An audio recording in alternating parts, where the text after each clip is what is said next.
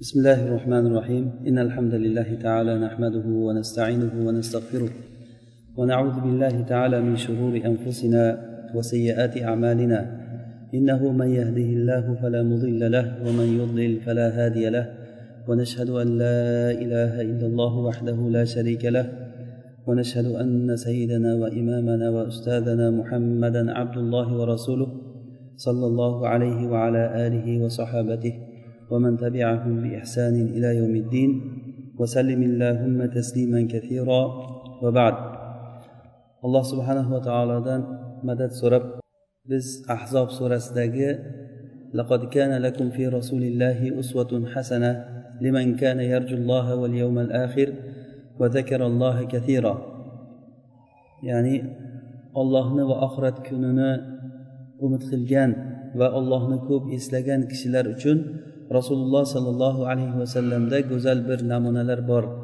degan alloh subhanava taoloni so'zini sharhlashlikda davom etamiz. Rasululloh sollallohu alayhi vasallamga ergashishlik u kishini kishi o'ziga namuna qilib olishlik bu insonni dunyoda va oxiratda baxt saodatga erishishligini sababchisi bo'ladi. Ya'ni kishi qanchalik darajada rasululloh sollallohu alayhi vasallamga ergashsa u shu dunyoda ham oxiratda ham shunchalik darajada buni hayoti yaxshi holatga erishib boradi. Sahobalar buni katta bir misoli bo'lishdi. Rasululloh sollallohu alayhi vasallamga ular qadamma qadam poyma poy ergashdilar. Rasululloh uzuk taqqan paytlarida ular uzuk taqdilar. Rasululloh uzukni yechib tashlagan paytlarida uzuklarni yechib tashladilar. Hech bir kishi so'ramadiki ey rasululloh nega taqdingiz nega echdingiz deb so'ramadi. Rasululloh sollallohu alayhi vasallam safarda namoz o'qiyotgan paytlarida oyoq kiyimda namoz o'qiyotgan paytlarida oyoq kiyimini yechdilar shunda sahobalar namozda turgan holatda hammalari oyoq kiyimini yechdi rasululloh aytdilarki namoz tugagandan keyin nimaga oyoq kiyimlaringni yechdilaring deb so'raganlarida ular aytishdiki rasululloh siz eshitdingiz biz ham eshitdik deyishdi ya'ni namozda turgan holatda shunchalik darajada qadamma qadam ergashgan. Bu ergashishlik ya'ni sababini so'ramasdan ergashishlik o'zlariga foyda bo'lgan o'rinda ham ziyon bo'lgan o'rinda ham. Har qanaqangi qiyinchilik o'rinlarida jayshul usra deb ismlangan jihodga chiqqan paytlarida eng issiq paytda odamlar uyidan chiqolmaydigan bo'lgan issiq paytida xurmolar g'arq pishgan odamlar uyidan hech kim agar qo'yib bersa uyidan chiqqisi kelmaydi. Mana shu holatda bir oylik masofa bo'ladigan joyga rum bilan jihod qilishlik uchun rasululloh sollallohu alayhi vasallam ashoblarni chaqirgan paytda labbay deb javob berishdi. Rasulullohda ashoblaridan uchta kishigina sababsiz ortda qoldi. Uchta kishi sababsiz ortda qoldi. Mana shu uchta kishini ham qattiq bir imtihondan keyin ularning tavbalari qur'onda nozil bo'ldi. Alloh taolo mana shu uchta odamni gunohini kechirdi degan oyat nozil bo'ldi. Demak sahobalar bu narsani katta bir biz uchun misoli bo'ladi. Biz rasululloh sollallohu alayhi vasallamga ergashishligimiz bu dunyoda ham oxiratda ham bizga baxt saodatga erishishligimizga olib kelar ekan. Biz bu haqda keyin rasulullohga kim ergashadi? Bu uchun ollohni umid qilgan va oxiratni umid qilgan kishi. Ollohni umid qilishlik haqida suhbat qildik. Oxirat kunini umid qilishlik haqida va qanday qilib turib oxiratni umid qilishlik? Ollohni umid qilishlik qanday paydo bo'ladi qanday hosil qilsa bo'ladi buni? Bular haqida suhbat qildik. Va oxirgi to'xtagan joyimiz alloh subhanahu va taoloni zikr qilishlik haqida to'xtagan edik. Va aytib o'tdikki ollohni zikr qilishlik bu kishini qalbidagi ma'rifatni qo'zg'aydi. Ollohni zikr qilishlik bu asl maqsad o'zi shu narsa.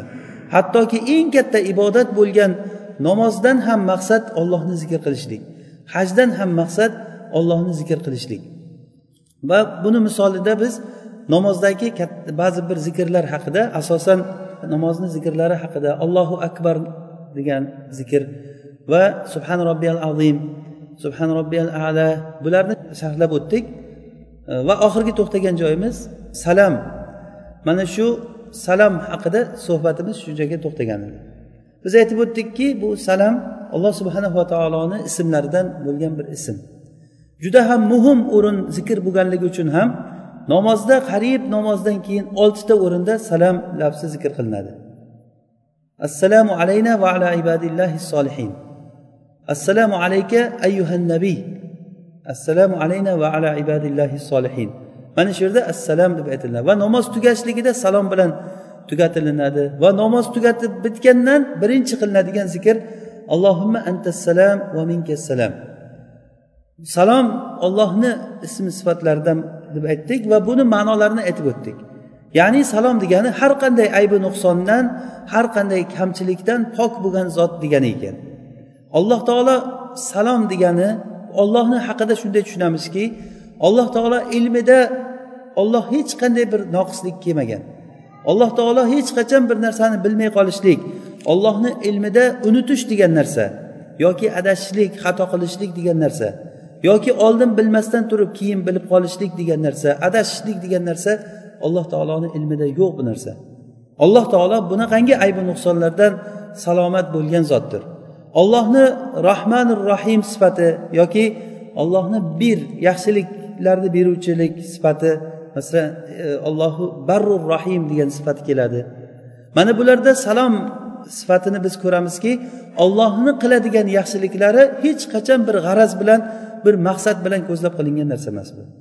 Alloh taolo insonlar hech qanday haqli bo'lmasa ham o'sha yaxshilikni o'zi favlan odamlarga yaxshiligini beradi. Mana bu maqsad bilan qilishlikdan salomatda alloh taolo. Qaysi bir sifatlarini oling ollohni albatta har bir sifatini topamizki o'shanda salam sifati ko'rinib turganligini ko'ramiz.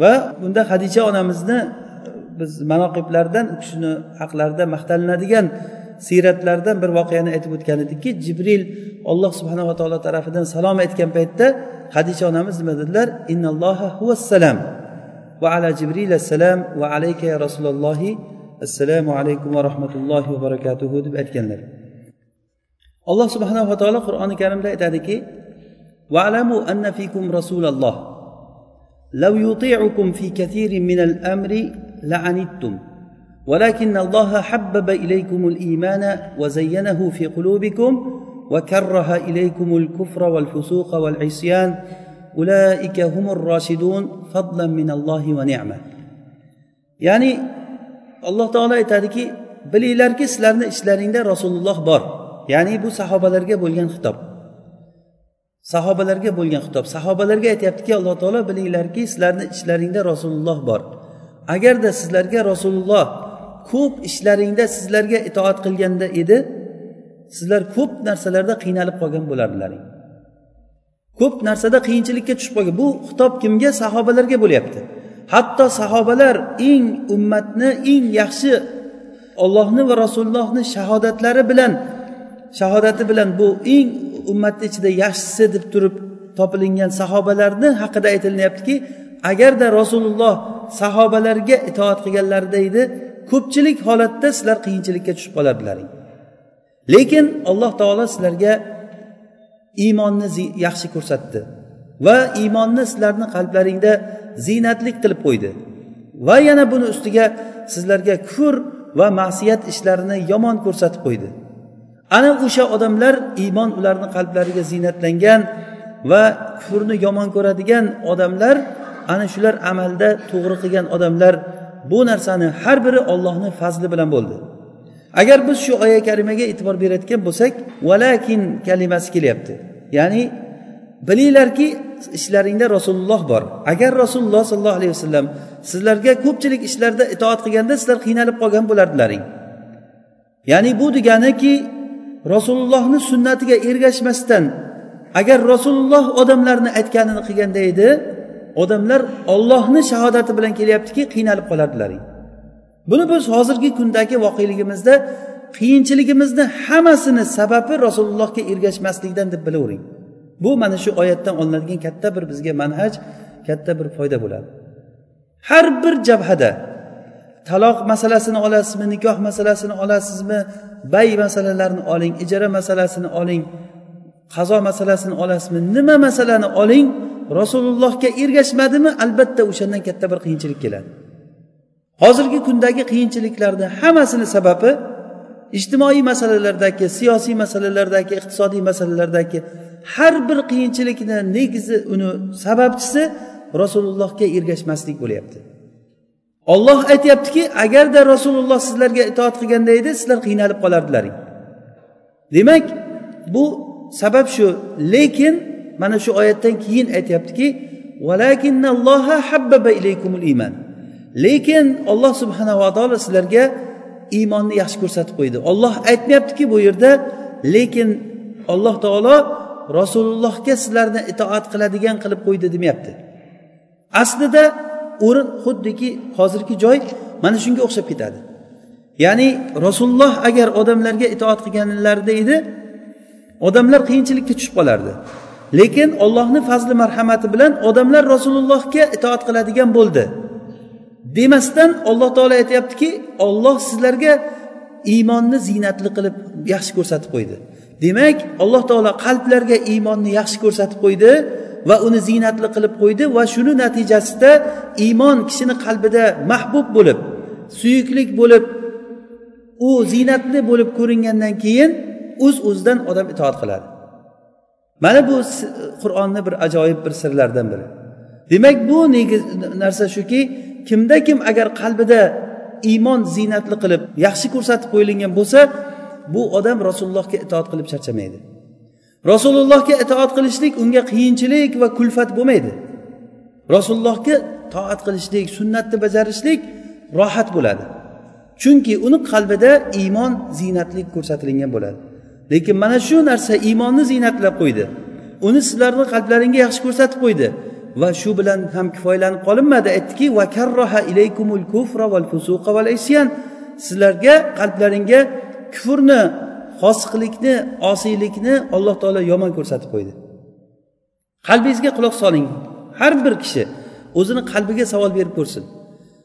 Iymonni yaxshi ko'rasizmi? Va iymon sizni qalbingizda ziynatli ko'ringanmi iymon deganda biz hamma islom amallari iymon deb tushunamiz. Soqol qo'yishlikni olasizmi? Ayollarni hijobda yurishligini olasizmi? Azon aytishlikni olasizmi? Mana bu masjidlar jamoat bo'lib namoz o'qishliklar musulmonlarni bir biriga bo'lgan mana bu islom shiorlarini ko'tarishliklari tasbehlar takbirlar haj umra boshqa amallar ko'zga ko'ringan amallar hammasi iymondan bular hattoki yo'l chekkasidagi bir ozorni odamlarga xalaqit beradigan narsani bir chekkaga olib qo'yishlik ham iymondan. Hayo iymondan. Mana shu narsalar sizni qalbingizga yaxshi ko'rsatilinganmi agar qalbdan shu narsalarni yaxshi ko'rsangiz bu bilan kifoyalanilmaydi ikkinchisi kufr va fusuq va isyon mana bu osiylik kufr va ma'siyat ishlar. Shularni siz yomon ko'rasizmi yo'qmi? Agar yomon ko'radigan bo'lsangiz xursand bo'lingki ollohni fazli sizga kelibdi. Fazlan minallohi va ne'mat bu olloh taolo tarafidan bo'ladigan fazl va ne'mat bu. Ulaika humur roshidun ana o'sha odamlar haqiqiy to'g'ri amal qiladigan odamlar. Ulaika humur roshidun rushd degani bu amalda to'g'ri amal qilish degani. Hidoyat degani ilmda to'g'ri bilish degani. Ya'ni hidoyat ilmda bo'ladi rushd bu amalda bo'ladi. Ana o'sha odamlar to'g'ri amal qilgan odamlar o'sha to'g'ri amal qilishlikdan oldin ularni qalblarida iymon ziynati ko'rsatilindi. Ularni qalblari isloh bo'luvdi o'sha isloh bo'lgandan keyin a'zolar o'z uz o'zidan shu narsaga ergashdi. Mana shuning uchun ham biz bu takror va takror bu haqida ko'p gapirdik. Zikr haqida alloh subhanava taoloni ismlari haqida sifatlari haqida. Umuman olganda zikrni biz komil holatdagi ko'rinishi nima ekanligini aytdik.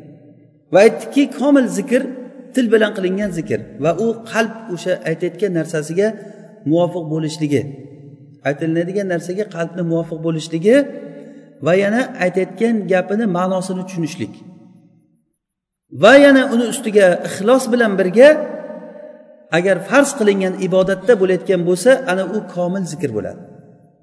Biz bu ko'p majlislarimizda shu haqida gapirdik takror va takror aytyapmiz. Bu toki bizni qalbimizga sobit bir ilm bo'lib o'rnashib qolishligi uchun. O'zi ilm o'rganishlikdan dars qilishlikdan maqsad ham shu bir foyda olishlik. Zikr deganda biz qayoqdagi haligi adashgan kishilarni raqsga tushishligi yig'ilib turib yer tepinib sakrab cholg'u asboblarini cholib musiqa asboblarini cholib turib ollohni zikr qilyapmiz deb o'zini o'zi ahmoq qilishliklari buni aytmaymiz biz. Agarda zikr bo'lmaydigan bo'lsa hattoki namozga kelib turib namoz o'qib chiqib ketgan paytda faqat kerak boshini yerga qo'yib ko'tarishdan boshqa nasibani olmasdan kishi chiqib ketadi masjiddan. Zikr deganda haqiqiy foyda berayotgan zikr. U olloh subhanahu va taolo kitobida rasululloh sollallohu alayhi vasallam uni sunnatlarida maqtagan zikr. Haqiqiy olloh iroda qilgan zikr. Zikr deganda mana shu narsani aytamiz. Va zikrni ma'nosini tushunishlik.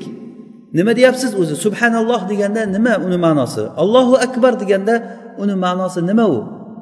Quruq til ollohu akbar allohu akbar degan bilan lekin buni holati ollohu akbarni ko'rsatib bermasa til subhanalloh degani ollohni har qanday ayblardan poklayman degani ollohni ayblardan poklayman degan odam amalida barcha aybni alloh taologa ag'darib tursa qadar masalasida keldimi bir masalan yaxshi ko'rgan kishisidan ajralib qolsa qadarga iymon keltirmasdan nimaga bunday bo'lar ekan? Meni farzandimdan boshqa o'lishga odam yo'qmikan? Alloh taolo faqat bizga bilib olgan ekan bizni olloh asrasin bunaqa gaplardan. Mana shunaqangi qadardagi gaplarni gapirgan odam subhanalloh demadi u. Tili bilan million marta subhanalloh desa ham u subhanallohni demak ma'nosini bilmaydi u odam. Boshini yerga ko'tarib tushirishdan boshqa narsa subhan robbiyal ala subhan robbiyal azim deb nechi marta aytamiz har kuni? Rukuda aytamiz sajdada aytamiz. Lekin bu narsalarni ma'nosiga odam yetib bormasa agar bu olloh va rasuli iroda qilgan zikr bo'lmaydi. Bu zikrdan maqsad biz mana shu narsani komil zikr til bilan qalb bilan va uni ma'nosini tushungan holatda va ixlos bilan va beshinchisi nima? Farz ibodatlardan bir ibodatda qilingan zikr. Mana shuning uchun ham biz bu narsani farz ibodatlardan biri namozni tanlab mana shu namozda qilinadigan zikrlar haqida suhbat qildik. Alloh subhanahu va taolo muso alayhissalomga birinchi vahiy qilgan paytda va aqimis solata li zikri deb namoz o'qigin meni zikr qilishlik uchun deb buyurdi. Ya'ni olloh subhanahu va taoloni zikri eng muhim narsa bo'lganligidan birinchi vahiy qilingan muso alayhissalomga buyurilgan narsa va aqimis solata li zikri deb buyurilindi. Demak bu narsa nihoyat darajada muhimligi uchun. Keyin o'sha oyatni davomida innani anallohu la ilaha illa ana fa'budni va aqimis solata li zikri va inna saata laatiyatun la royba fiha ila oxir ayat. Mana shunda muso alayhissalomga birinchi buyurilgan buyruq meni zikr qilishlik uchun namoz o'qigin deb buyurdi. Alloh subhanahu va taolo qur'onda aytadiki فيقول أأنتم أضللتم عبادي هؤلاء أم هم ضلوا السبيل قالوا سبحانك ما كان ينبغي لنا أن نتخذ من دونك من أولياء ولكن متعتهم وآباءهم حتى نسوا الذكر وكانوا قوما بورا ya'ni alloh taolo ollohdan boshqa ibodat qilingan ma'budlar ya'ni jinlar bo'lsin yoki hozir bu yerda oyatdan maqsad farishtalar va payg'ambarlar O'shalarni tiriltirib alloh taolo aytadiki sizlar mendan o'zga ibodat qilinglar deb bandalarga aytdilaringmi deganda subhanak sizni poklaymiz ey robbimiz. Bizga bunday deyishlik bu gaplarni aytishlik bizga hech to'g'ri bo'lmaydi haqqimiz yo'q bunday deyishlikka.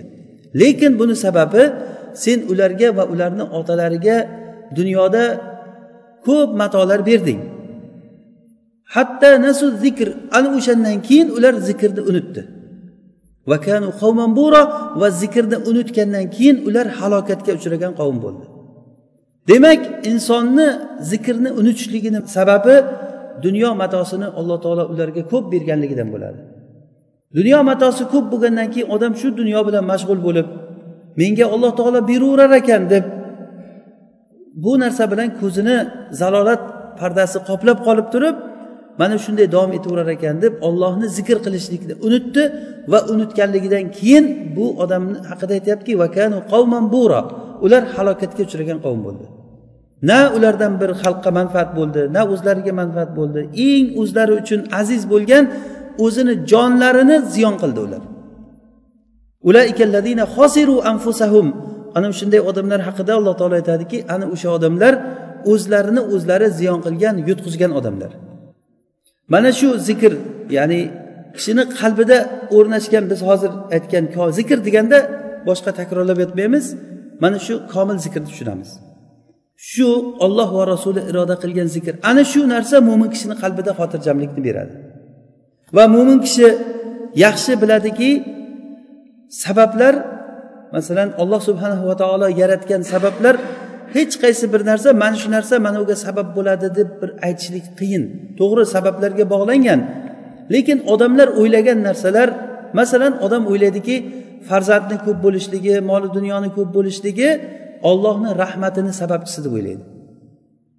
Moli dunyoni ko'p bo'lishligi farzandlarni ko'p bo'lishligi kishini alloh taolo unga yaxshilik qilganligini rahmatni sababchisi deb o'ylaydi rahmatni olib keladi deb o'ylaydi. Har bir odam o'ylaydiki mansabdor bo'lishlikni. Nimaga mansabdor bo'lishlikka qiziqadi?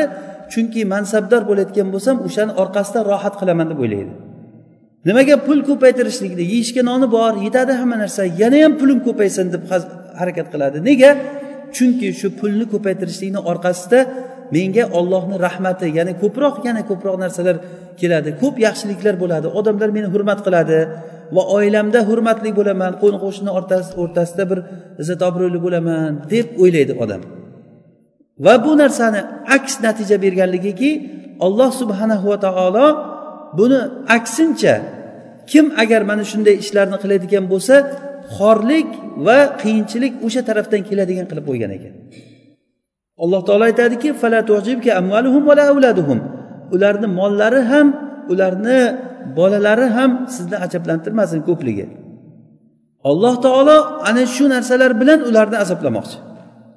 Demak insonlar rahmat deb o'ylagan sabab ularga teskari bo'lib chiqyapti. Bu bir qoida. Bu haqda biz oldin uzuq yo'liq ko'p gapirib ketgan edik. Bugun takror bo'lsa ham buni bir tushuntirishlik uchun muhim bir shu mavzuga kelib qolganligi uchun aytamiz. Ya'ni sabablar yana takror aytamiz. Sabablar inson aytadiki mana shu narsa mana bu narsaga sabab bo'ladi deb o'ylaydi.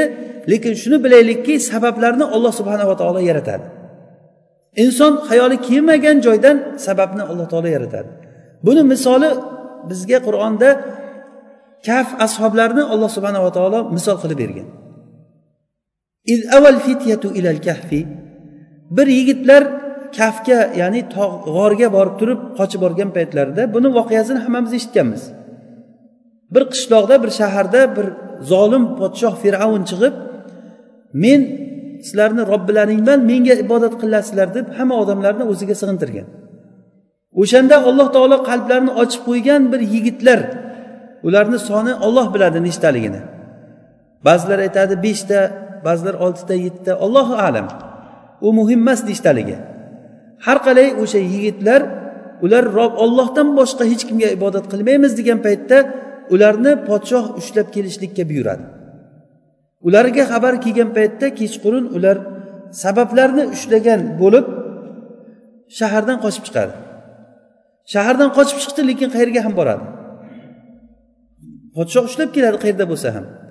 Odamlar o'ylaydiki agarda bir puli bo'lsa mansabi bo'lsa yoki bo'lmasa bu odamlar o'zi diyoridan chiqishlikni ollohni rahmatidan bo'ldi tamom bo'ldim deb o'ylaydi. O'sha uchun ham hijrat qilishlik ko'pchilik odamlarga qiyin.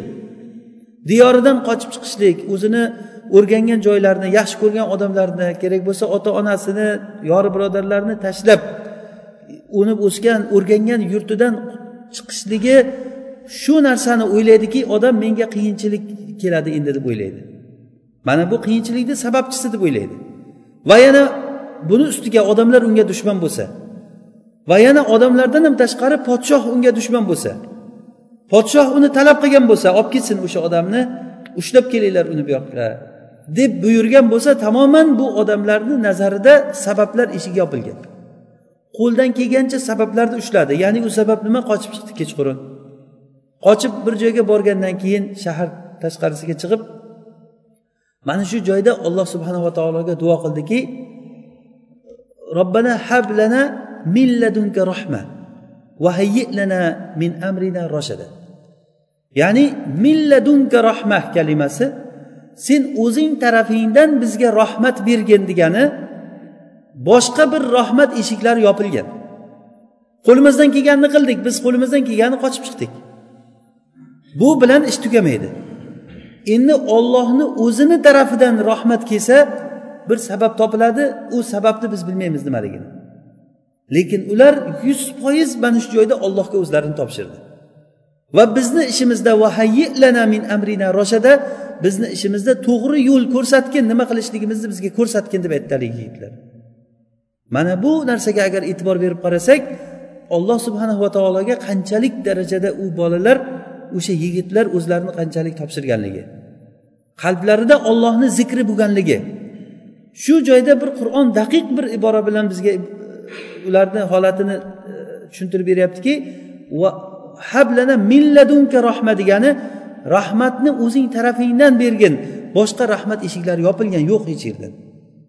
Shunda alloh taolo aytdiki ularga g'orga boringlar deb ilhom qildi ularga.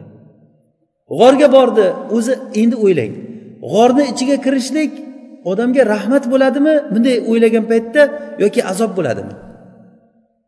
G'or bir qorong'i joy bo'lsa zak bir joy bo'lsa na yeydigan narsa bor na ichadigan narsa bor uy emas u. Unda bir sharoitlar falon joyga qasrga boringlar men o'sha joyda qasr qurib qo'yibman deganda edi birdan tushunardikki bu rahmat tamom rahmat eshigi ochildi deb. Lekin alloh subhanava taolo o'zi rahmatni berishligini xohlasa odamlarni nazarida rahmatdan uzoq bo'lgan balki azob sababchisi bo'lgan narsa ham rahmat bo'laverar ekan. Ayni paytda o'sha g'or o'sha yigitlar uchun rahmat bo'ldi. Ularga shunday alloh taolo shunday bir sharoitni to'g'irlab berdiki ularga butun sharoitlar to'g'ri bo'ldi. Shamolning esishligi va quyoshni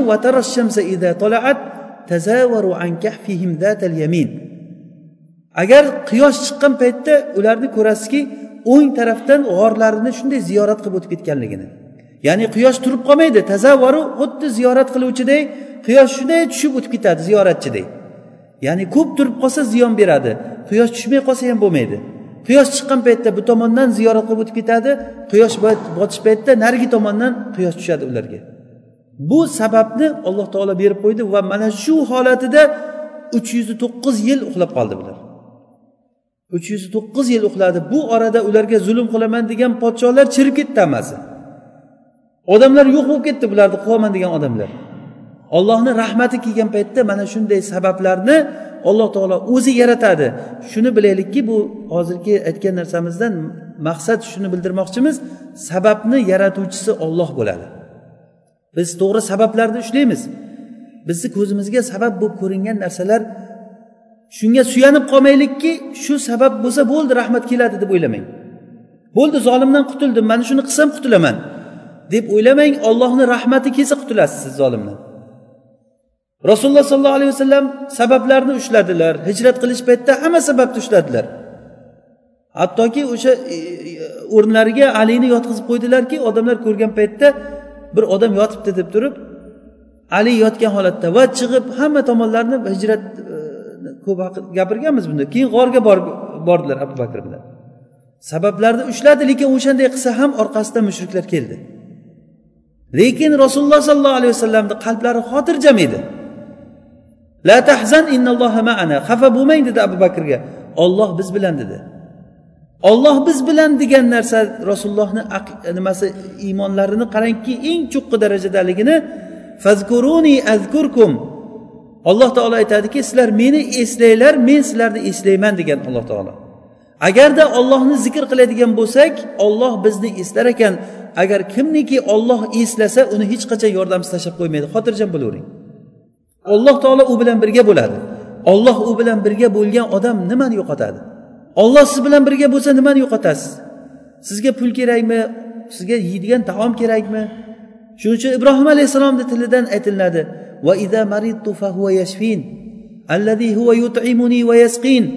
U robbim shunday zotki menga taom beradi va menga suv beradi. Agar men kasal bo'ladigan bo'lsam meni menga shifo beradi o'zi. Hamma holatlarda alloh taoloni eslang ollohni eslasangiz alloh subhanava taolo sizni eslaydi. Mana shu zikr insonga foyda beradi. Ibn qayim rahimaulloh qalblar haqida gapirgan paytda aytadilarki qalblar uch xil bo'ladi. Bitta qalb borki ollohni nuri bilan to'lgan. U hozirgi biz aytgan zikr degandagi aytgan haligi zikrni komil tamomiy shartlarini o'ziga qamrab olgan qalb. Hamma tomondan to'lgan. Mana bu qalb bor ikkinchi bir qalb borki bu qalbda ollohni zikri tamoman yo'q. Istahvaza alayhimu shaytonu fa ansahum zikralloh ularni qalblarini olloh shayton ularni qalblarini egallab oldi tamomiy qamrab oldi qurshab va ularga ollohni zikrini unuttirdi. Ulaika hizbu shayton. Ana ular ollohni jamoasidan chiqib shaytonni jamoasiga aylangan. Va shaytonni jamoasi u ziyon ko'rganlar ular. Shu dunyoda ham oxiratda ham foyda qilaman deb turib ziyon ko'rgan odamlar. Haqiqiy fahmi ishlamagan yaxshilik bilan yomonlikni farqini bilmagan odamlar shular. Va uchinchi bir toifa borki bu odamlarni qalbida ollohni zikri ham bor va g'aflat ham bor. Ollohni zikri degan paytimizda masalan ollohni zikr qiluvchi kishi degan paytimizda biz g'ofil odamdan g'ofil odamni teskarisidagi kishini tushunamiz. Ya'ni bu odam ollohni zikr qiluvchi degani g'ofil emas degani. Demak hozir uchinchi kishi shuki ollohni zikr qiladi ham ham g'ofil. Ya'ni ba'zan ollohni zikr qilsa ba'zan g'ofil. Mana bu odamni e, nimasi? Qalbida urush bo'ladi. Mana bu odamni qalbida urush bo'ladi. Ya'ni urush xuddiki odamlar o'rtasidagi urushday al harbu baynahum sijal deganlaridek ya'ni urush dam shaytonni g'alab foydasiga bo'lsa ba'zan u zikrni g'alabasiga bo'ladi. Val aqibatu lil muttaqin oxiri taqvodorlarga bo'ladi. Vaman nasru illa min indillah. G'alaba ollohni huzuridan bo'ladi. Ya'ni olloh yordam bersa bu odam g'olib bo'ladi. Bo'lmasa yo shayton o'zini jamoasiga qo'shib olib ketadi uni yoki bo'lmasa zikr qiluvchilardan bo'lib turib qutulib qoladi. Alloh taolo o'zi najot bersin. Keyin ibn qayim rahimaulloh shunga bir ajoyib bir misol keltirgan. Uchta misolni. Bir uy bor u uy podshohni uyi. Podshohni uyi ichi to'la podshohni zebi ziynatlari tillolari hamma narsa bor podshohni uyida. Yana bir uy borki bir oddiy bir qulni uyi. U qulni uyi ham ichi tilla tillosi bor. Ya'ni podshohniki emas u. O'ziniki o'ziga tegishli tillolari bor o'ziga yarasha ziynatlari boyliklari bor. Va uchinchi bir uy bor hech narsa yo'q u uyda. O'g'ri qaysi uyga tushadi? O'g'irlikka. Shu uchta uydan qaysisiga tushadi o'g'ri? Podshohni uyigami u jondan to'ygan yo'q podshohni uyiga borib. Yerda qorovullar bor ushlanadi boradigan bo'lsa. Demak foydasi yo'q podshohni uyiga bormaydi. Va ijtimosi yo'q odamni uyiga boradimi? U yerda nimani oladi biladi hech narsa yo'q. Haligi masallarda keladiku bir kishini uyiga o'g'ri kirib izlab izlab hech narsa topolmay chiqib ketyapti ekan kechqurun haligi uyni egasi yotib ko'rib yotgan ekan. Eshikni yopib ket degan ekan chiqib ketishda. Shunga o'xshagan boshqa bir masalalarda keladi. Izlab izlab topib haligi o'g'ri kirib yoq bu yoqda titib yotgan paytda yotgan joyida aytgan ekanki sen izlayotgan narsani biz kunduzi izlab topolmaganmiz deb qo'ygan ekan. Chiqib ketaver hech narsa yo'q degan. U uyga o'g'ri kerak emas yerga o'g'ri boyagi haligi qul kishi boy qulni nima qiladi? Uni ham qo'riqchisi yo'q. Bemalol borib kira oladi umid qiladiki shu yerdan olaman deb. Haligi aytgan qalb ollohni zikri bilan g'aflat bo'lgan qalb o'sha. Ya'ni uni himoyachisi yo'q. Himoyachisi yo'q bo'lgan paytda zikr bu qalbni himoyasi. Zakariya alayhissalomni hadisida alloh taolo zakariya alayhissalomga beshta narsani buyurdi deganda eslaringizda bo'lsa shunda aytgan edik uni misolida aytgan edikki xuddiki bir kishi borib uni orqasidan dushman quvib bir qal'ani ichiga kirib olgan u qal'a himoya dushmandan himoya qiladi. Bu ya'ni ollohni zikri. Shayton quvib kelgan paytda qalbga shayton o'zini o'qini otgan paytida uni himoya qilayotgan narsa ollohni zikri bo'ladi. Ollohni zikri himoya qilib qoladi. Demak mana shu joyda urush maydoni bo'ladi. Yo ba'zan u o'g'ri kiradigan narsasini olib chiqib ketadi yoki bo'lmasa bu odam muvaffaq bo'lsa uyg'onib qolsa g'aflatda qolmasdan o'g'ri kelganini ko'rib qolsa baqir chaqir qilib narsasini olib qolishligi mumkin. Demak mana shu zikr xuddi shuni misoli bizga. Ammo boyagi qalbi forig' qalbida hech narsasi yo'q odam bo'layotgan bo'lsa unga shaytonni o'zi keragi yo'q o'zi uni. Ibn abbos roziyallohu anhu aytganlarida ibn abbosga aytilingan ekanki yahudlar aytishadiki biz vasvas qilinmaymiz deb aytadi. Deganda ibn abbos aytgan ekanki u xaroba qalbga kim vasvas qiladi degan ekan. O'zi ularni bo'lari bo'lib bitgan degani. Mana shu zikr agar biz e, zikr deganda haqiqiy najot toptiruvchi alloh subhanahu va taolo iroda qilgan sohibini najot toptiradigan zikr mana shu narsa.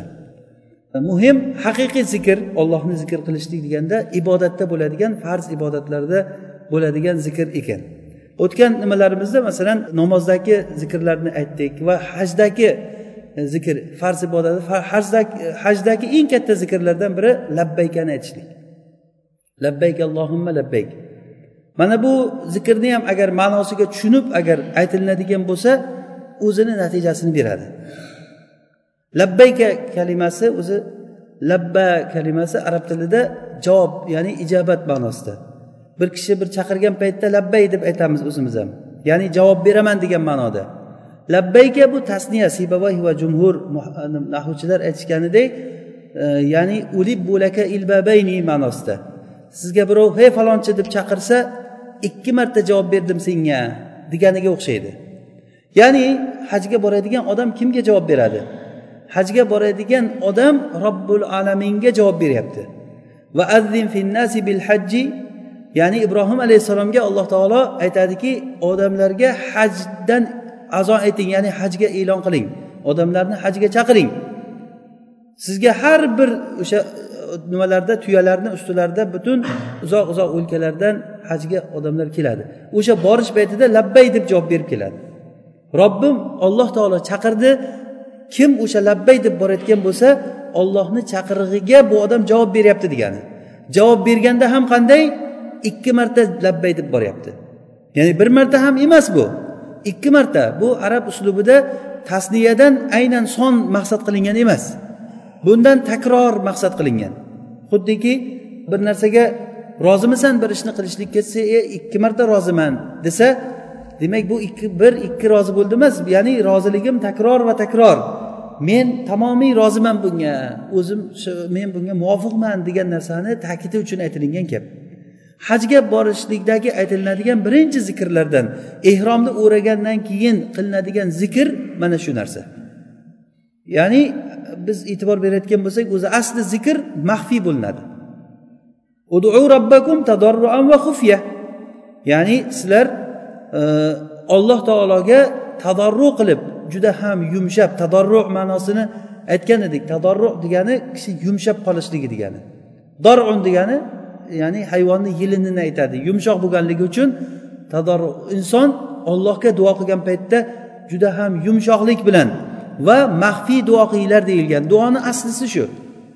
Lekin bu o'rinda asldan chiqqan holatda ya'ni oshkor qattiq ovozda baqirib zikr qilishlik.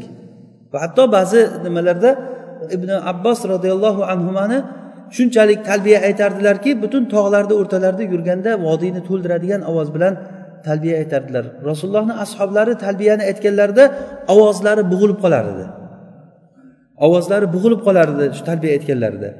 Rasululloh sollallohu alayhi vasallamdan eng afzal haj qaysi deb so'ralinganda afzalul haj al ajju sajju deganlar.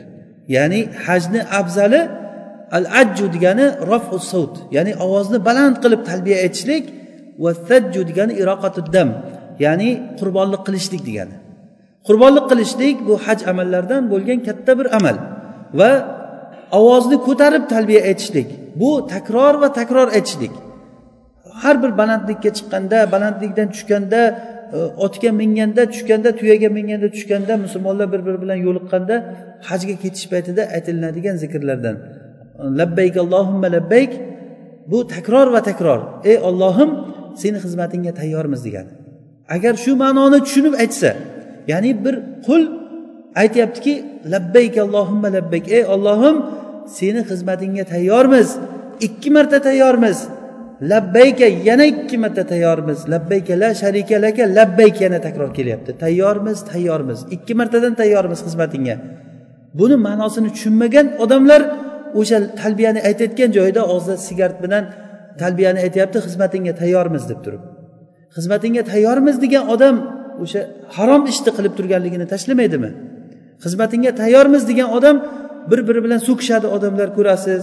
Va hokazo mana shu ishlar bo'ladi. Yoki xizmatingga tayyormiz robbim biz senga fidomiz deb hajga borib xuddi undan ko'ra yomonroq holatda mutakabbirlik bilan boshqacha holatda qaytib kelganligini ko'rasiz.